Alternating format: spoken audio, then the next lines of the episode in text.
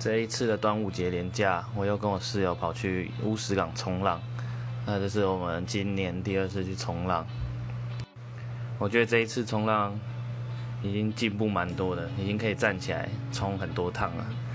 那这一次遇到一个比较大的问题，就是有时候在冲比较大的浪的时候，它坡度很斜。那这时候重心如果摆太前面的话，很容易就会整个人从就是头朝朝下，然后整个人从后面翻过去。也是俗称的歪爆。那这次还遇到另外一个问题，就是我们的防晒只有做一次而已。那理论上应该是要可能每半小时或者一小时要去补一下防晒，因为我们这次冲了大概四个多小时吧。然后我的脸现在被晒得非常红。然后是礼拜五就冲的，今天已经礼拜天了，我到现在脸还是非常不舒服。那个下次要多多注意啊，现在实在是太痛苦了。